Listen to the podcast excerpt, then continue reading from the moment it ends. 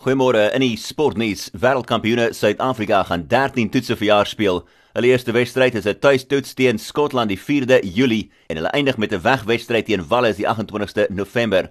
So Suid-Afrika gaan in Julie twee wedstryde speel teen Skotland en een teen Georgië. Dan in die rugby kampioenskap gaan Suid-Afrika twee wedstryde elk speel teen Argentinië, Australië en Nieu-Seeland. En aan die einde van die jaar toetse gaan die Springbokke speel teen Italië, Ierland, Frankryk en Wales. 'n Indrukwekkende veelsidige vertoning deur kaptein Keshav Maharaj het gehelp dat die kompetisie voorloper Dolphins hulle voorsprong reg bo aan die punteleer van die Eendagbeker met 'n oortuigende 26 lopie oorwinning oor die Cape Cobras gister in Kaapstad.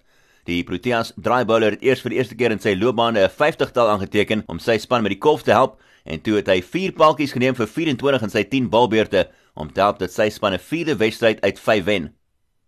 En Mamelodi Sundowns is nou net 4 punte agter Premier League voorlopers Kaizer Chiefs nadat hulle gisterand met 2-1 gewen het teen Bloemfontein Celtic op Loftus Versveld.